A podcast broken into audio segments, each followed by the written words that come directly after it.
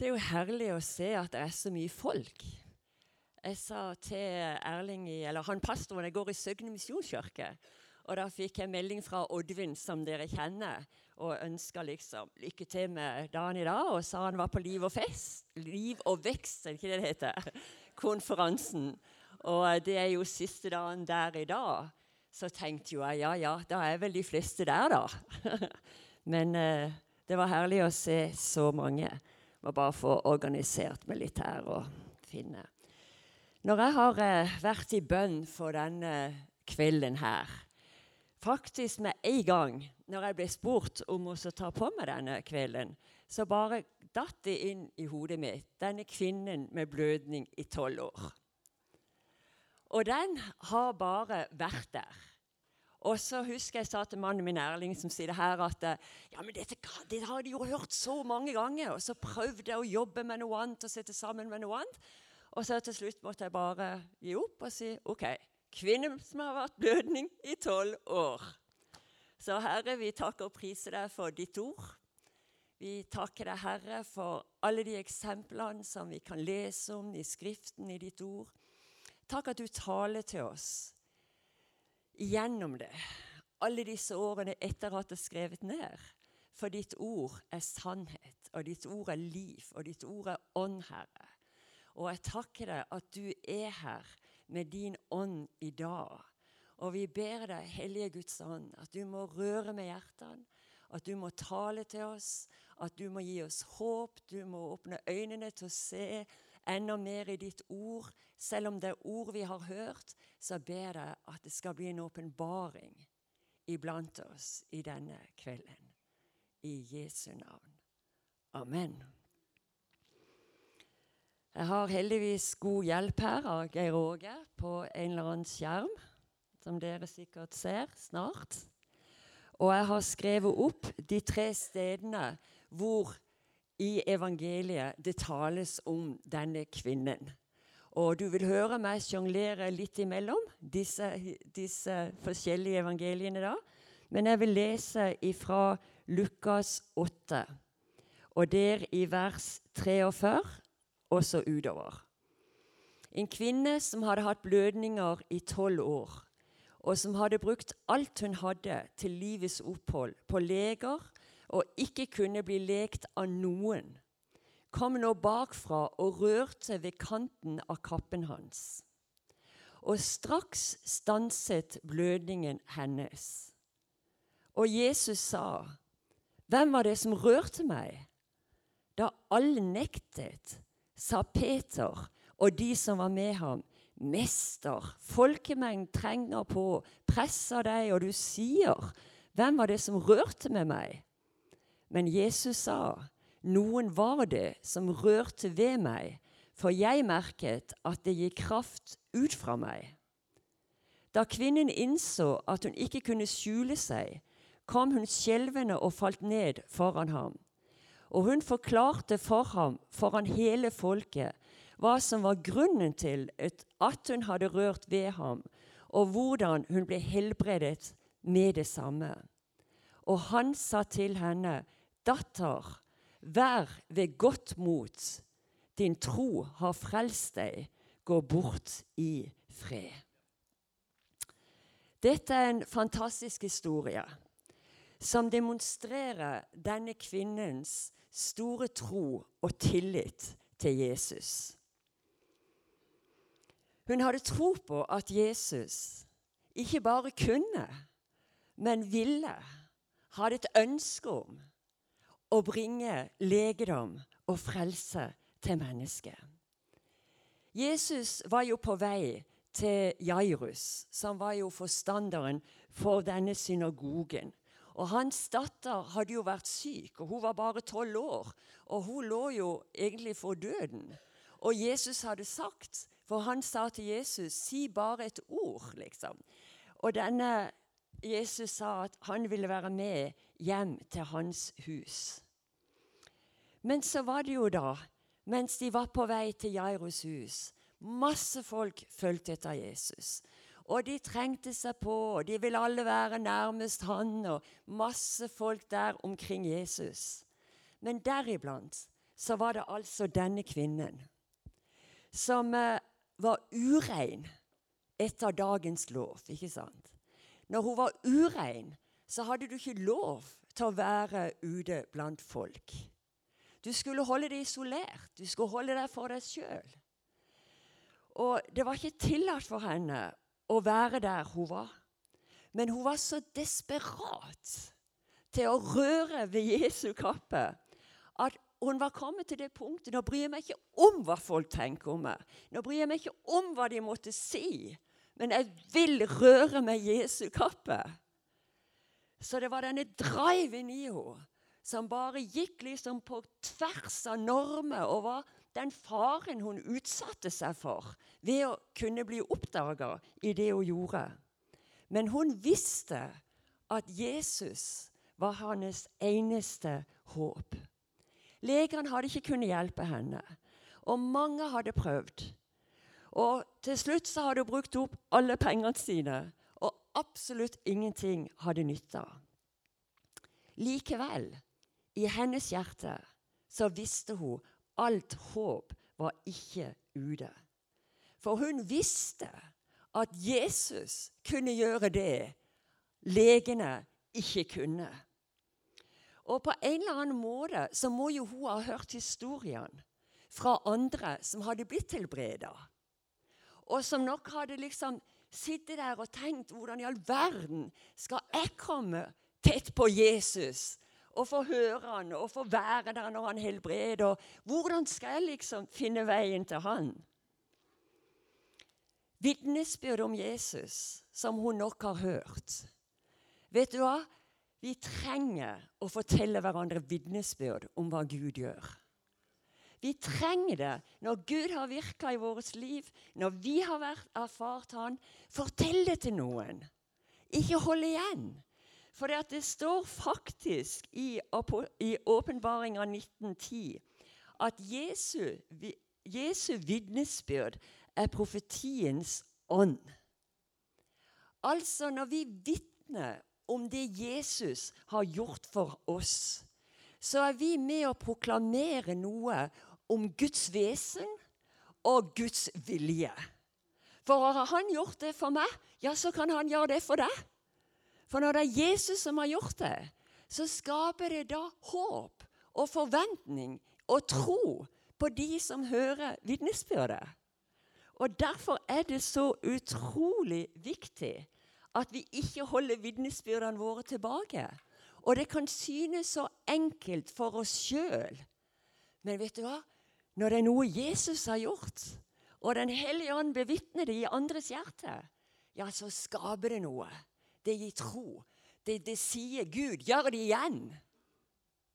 Og så kan noen som hører det, si Ei, kunne han gjøre det for henne? Kan han gjøre det for meg? Og jeg tror denne kvinnen har hørt fra andre hva Jesus gjorde, for hun hadde selv ikke kunnet vært ute i folkemengden før. Jeg kan bare merke vitnesbyrd. Skrevet ned. Når jeg holdt på å forberede meg på dette, så har jeg sånn en mappe på computeren min som heter 'Helbredelse'. og Så har jeg noen vitnesbyrd som folk har sendt til meg. Var på Madagaskar. Jeg pleier å være der hvert år.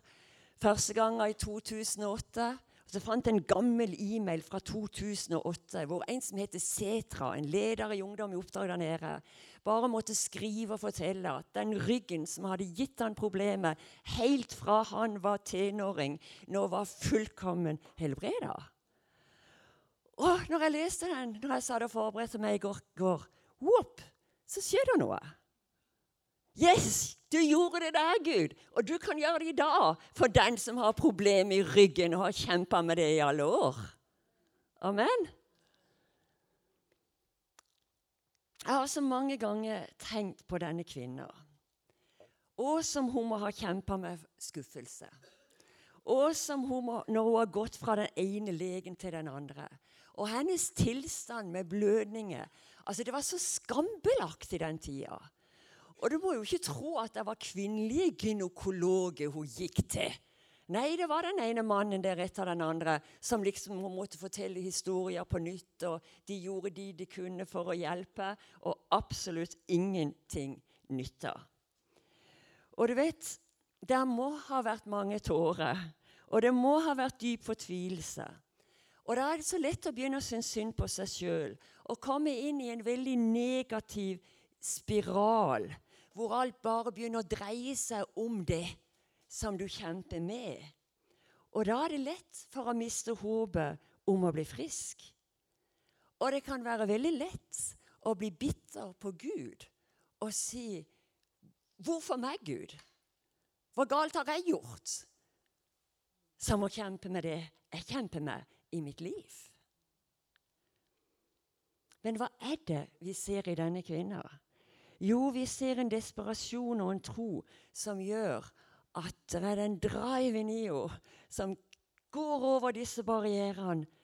Og så står det at hennes tro og tillit kommer til uttrykk i hennes indre bekjennelse. For det står i Matteus 19, vers 21 at hun sa med seg selv Hvis jeg bare kan få røre ved klærne hans, så skal jeg bli helbreda. Det var det hun sa til seg sjøl. Istedenfor å bare sitte der og gå dypere og dypere inn i seg sjøl, så sa hun nei. Hvis jeg bare kan få røre ved han, så skal jeg bli helbreda. Hva sier du og meg til oss sjøl når vi feiser vanskeligheter? Når vi møter utfordringene i livet? Når vi noen ganger oss, kjenner oss litt nedkjørt og trette og svake? Hva er det som foregår her inne i hodene våre? Venner vi oss til Jesus? Venner vi oss til Hans ord? Eller lar vi oss bare bli dratt lenger og lenger ned? Kanskje tenker du ja, men det betyr vel ingenting hva jeg sier til meg sjøl. Det er vel ingen andre som hører det? Men sannheten er at de tankene vi velger å dvele ved, de vil enten forårsake at vårt hjerte blir fylt med tvil og mismot, eller tillit til Gud og Hans ord.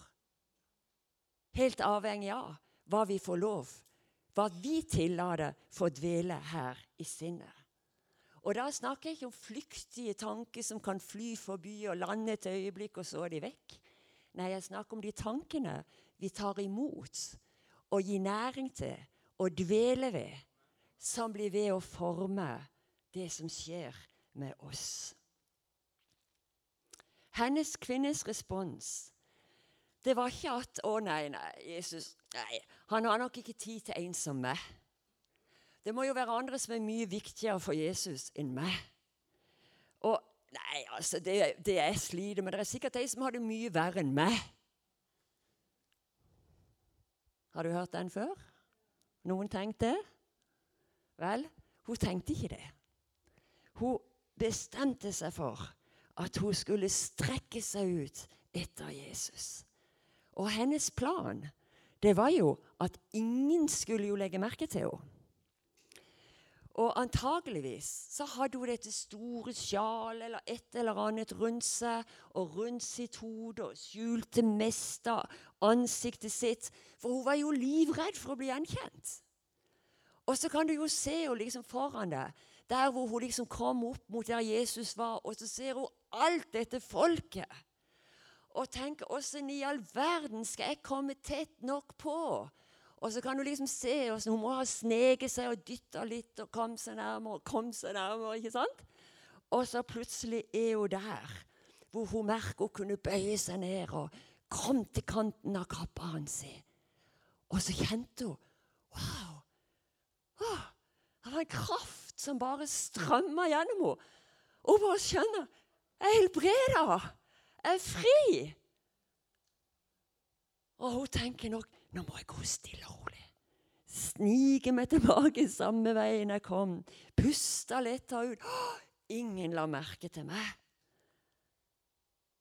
Men i neste øyeblikk så hører hun Jesus som sier Hvem var det som rørte med meg? Å nei. Hjertet må nesten ha stansa opp. Han hadde merka det. Alle nekta som sto rundt. Og så hørte hun Peter og de andre disiplene si Ja, men Jesus, står i Markus, mester.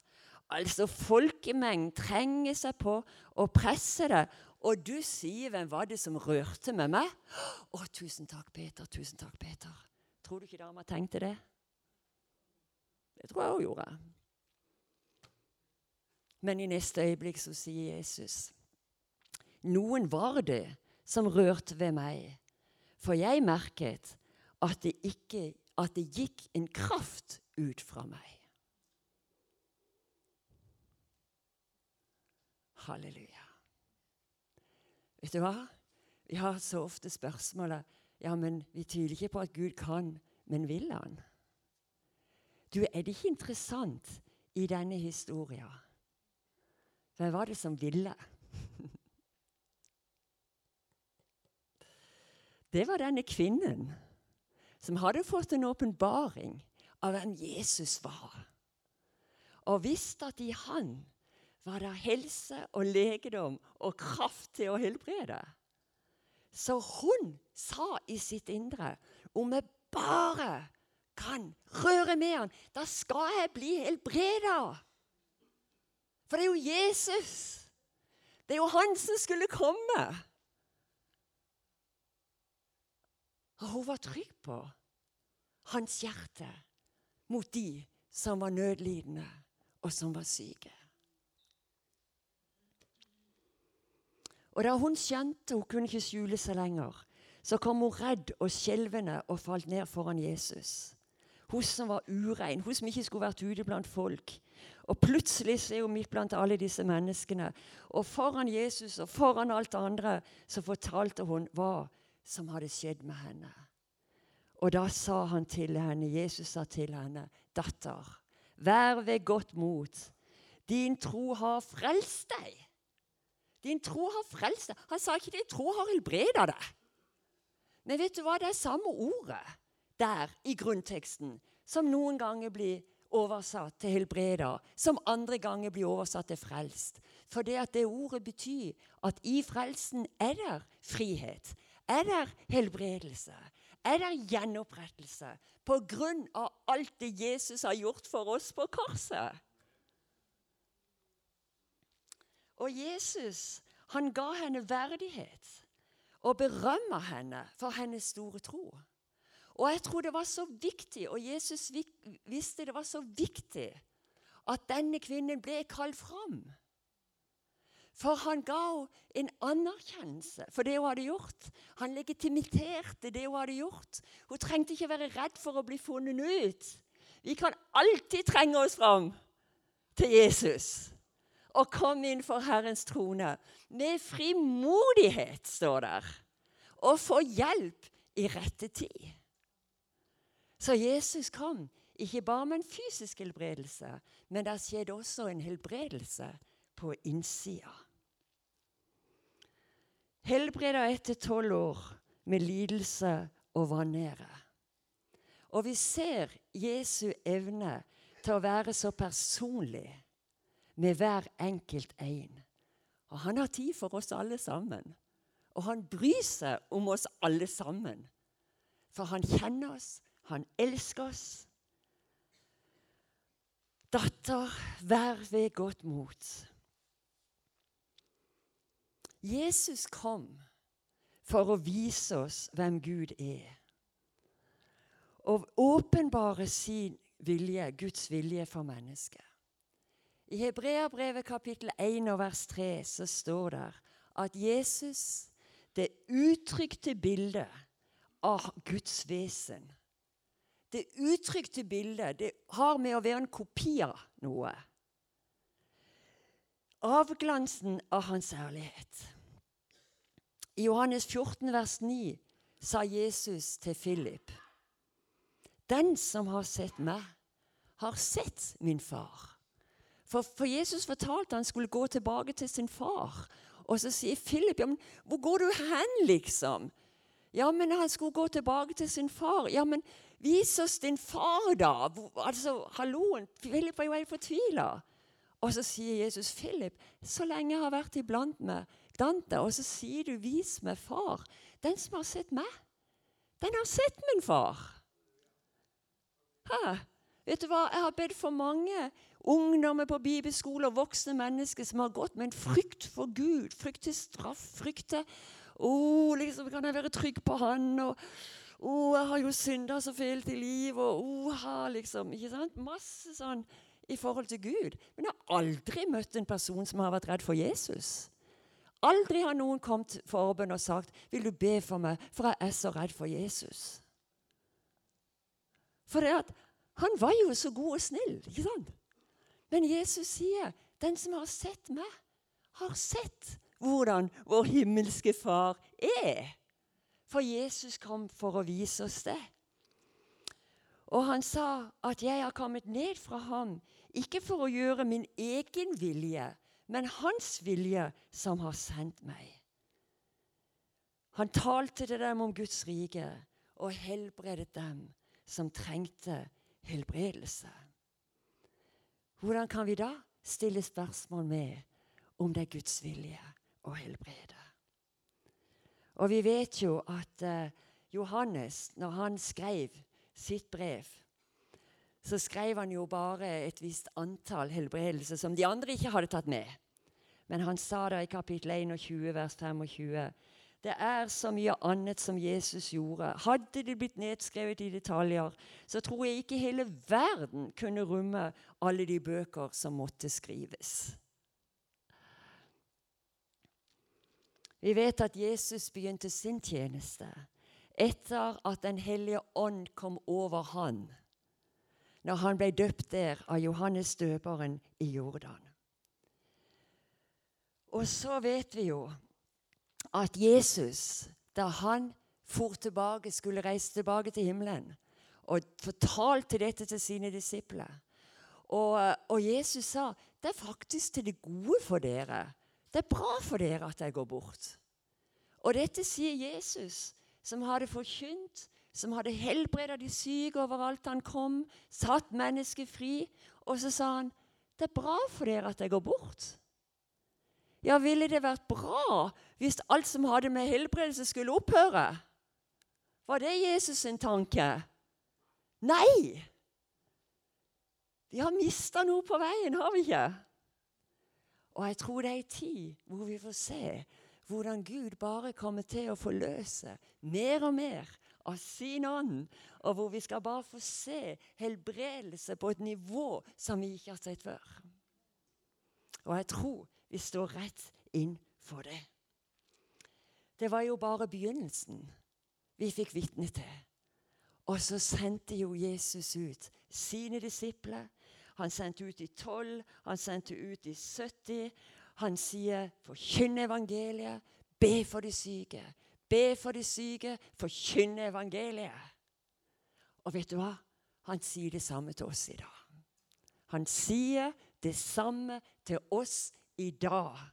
For han ønsker å forløse sin legende kraft iblant oss. Halleluja. Og vi har bedt Fader vår, alle sammen. Jeg har den gamle versjonen. Fader vår, du som er i himmelen, hellige vorde ditt navn. Hva betyr det da det er en hellige vorde ditt navn? La ditt navn holdes hellig. Jo, det betyr bl.a.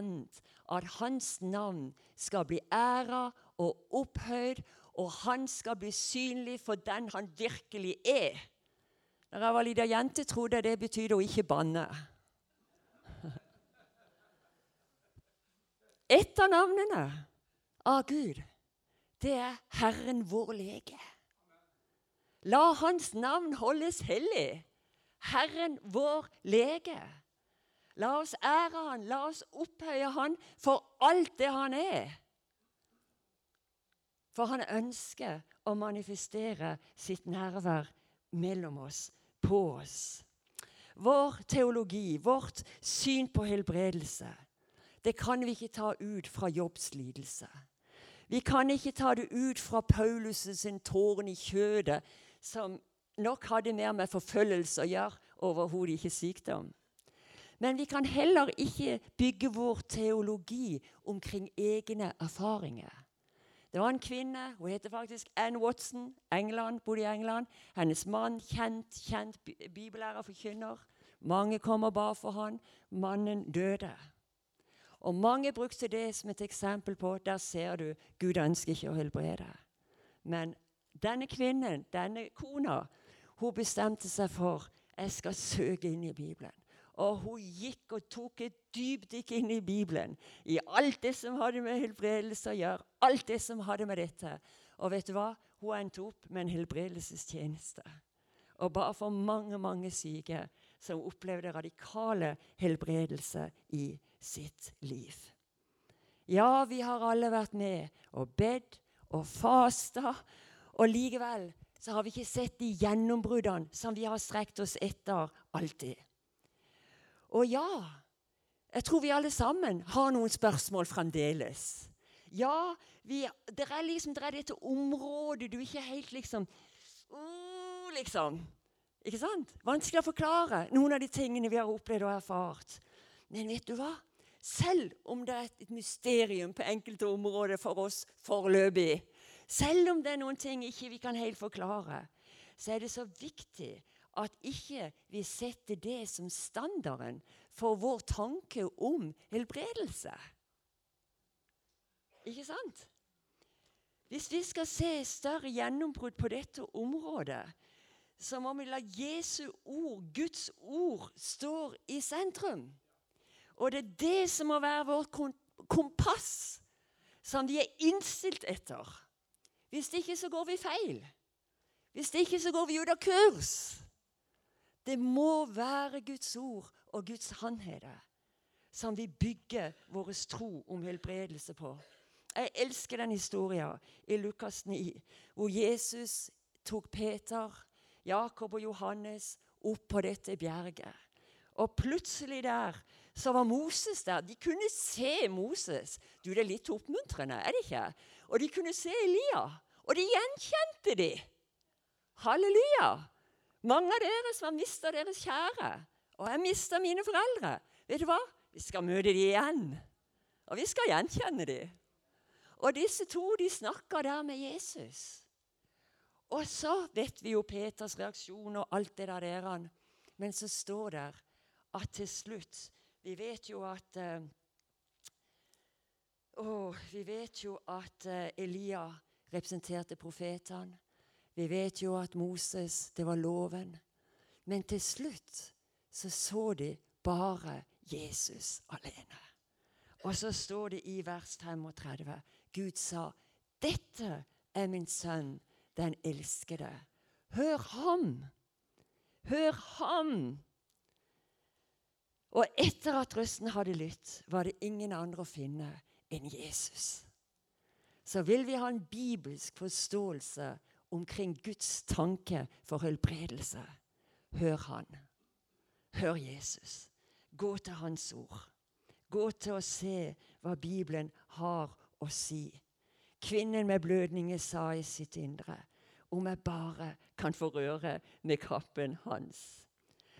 Og vet du hva? Jesus berømmer henne for sin tro. Og nå må du spenne sikkerhetsscenen litt, bare et lite øyeblikk. Men jeg har nesten på en måte funnet ut av at enkelte kristne det er akkurat som om de er vaksinert imot ordet tro. Og når du får en vaksine, så har du automatisk noe som reagerer i kroppen for å Ta det der der. Nei, tro er ikke et farlig ord. For hva er tro? Tro er tillit til Gud. Tro er en villighet til å la seg justere etter Guds ord. Tro det Han sier han vil gjøre. Tro på at det Gud sier, er sant. Så tro er å si seg enig med Gud ikke å mane opp en masse følelser for å sjøl prøve å produsere noe. Sant? Men det er å velge å si, 'Herre, jeg holder fast på ditt ord'. Uansett omstendigheter, uansett om jeg ikke forstår, så vet jeg, Herre, at ditt ord, det er sannhet. Ja, ja, hvordan kan vi vokse i tro, da? Jo, Guds ord. Guds ord er ånd, og Guds ord er liv. Guds ord skaper tro. Guds ånd gir åpenbaring av ordet. Men ordet må bli planta i oss. Ikke sant? Ordet er som et såkorn. En bonde kan plante et frø i jorda, og vente seg en høst deretter. For det at jorda i seg sjøl bringer fram en grøde. Og frøet det blir ikke noen ting av det hvis ikke det er planta i jorda, og hvis ikke det får vann. Hvis det, jeg sier at jeg tror at Gud er i stand til å helbrede meg, før jeg vet at Guds ord og vet fra Guds ord at han er villig til det, så er det som om bonden ville si ja, men jeg tror Gud er i stand til å gi meg en avling uten at jeg har lagt noe som helst frø ned i jorda. Nei, det går jo ikke. ikke sant? Ja, selvfølgelig kan Gud komme bare inntil til en ufrelst og helbrede den og alt dette her. Men vi må se viktigheten av Guds ord. Dere skal kjenne sannheten, og sannheten skal gjøre dere fri. Min sønn står der i ordspråket fire. Min sønn, gi akt på mitt ord. Bøy ditt øre til min tale. La dem ikke vike fra dine øyne. Ta vare på dem i dypet av ditt hjerte. For de er liv for den som finner dem, og helse for hele hans legeme. Er ikke det interessant? Sånn at når vi tar til oss av Guds ord, og det gir Guds ånd en mulighet til å komme med åpenbaring inn i dypet av dypeste dyp av våre sjel og våre ånd, så skjer det noe. Guds ord må bli innplanta i oss. Og vi må fortsette å ære Hans navn, forkynne hele evangeliet, ære Herren vår lege og alt det han er. Og så kan vi si med David i Salme 103,3.: Min sjel, lov Herren. Glem ikke alle hans velgjerninger. Han som tilgir all min synd og leger all min svakhet. Jeg ser at klokka går. Halleluja. En kvinne jeg var i Chennai i India og talte i ei stor kirke. Og Etterpå så skulle vi ha forbønn, og det var altfor mange der til at en kunne be for dem individuelt. Så jeg ba folk om å bare reise seg opp som trengte helbredelse. Og det var mange som sto. Og Dagen etterpå, på neste møte, så kom det ei dame gledesstrålende og fortalte at da reiste hun seg opp og sto på vegne av hennes mann. Og hennes mann hadde ligget syk og var sengeliggende i flere måneder. Og Legene kunne ikke finne ut hva som var galt med han. Men når hun kom hjem, så var ikke mannen hjemme. Og Hun kunne ikke skjønne hvor var det blitt av han. Han hadde jo ikke vært ute av den senga på lang, lang, lang tid. Og så kom han hjem, og så sier han, 'Går du?' 'Ja', sa han. 'Ja, hva skjedde med det?' Ja, jeg, jeg vet ikke', sa han. Men jeg bare lå der på senga i kveld, og så plutselig kjente jeg bare en kraft som kom over meg. Og så kjente jeg jo Jeg er jo frisk! Og så sto han opp. Halleluja. Halleluja. Halleluja. Gud er stor. Gud er stor. La oss be sammen. Halleluja. Ja, Herre, jeg ønsker bare å ære ditt navn. Du som er Herren vår lege. Det er dine ord, Herre, og vi takker deg for det. Og vi ærer deg for det, Herre. Du er Herren vår lege. Og vi takker deg at den legende kraften, Herre, den bare fortsetter å strømme ifra deg, Herre. Og jeg takker deg at Jesus bar all vår sykdom og all våre sår opp på sin rygg, opp på korset for at vi skulle bli lekt. Jeg takker deg for at vi kan komme til deg og vite at våre synder er tilgivet, Herre. For du sier at når vi bekjenner våre synd, så er du trofast, du er rettferdig. Du tilgir oss all vår synd og renser oss fra all urettferdighet. Og vi takker deg for denne, deg, Jesus. Og vi takker deg for din legende kraft som strømmer fra deg, Herre. Og vi bare ønsker å åpne oss opp for deg denne kvelden og si kom.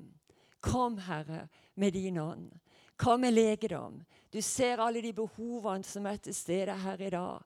Kom med din legende kraft, Herre, og bring frihet og legedom I Jesu navn. I Jesu navn. Halleluja. Halleluja. Ja, vi skal ha mulighet for forbønn her i kveld.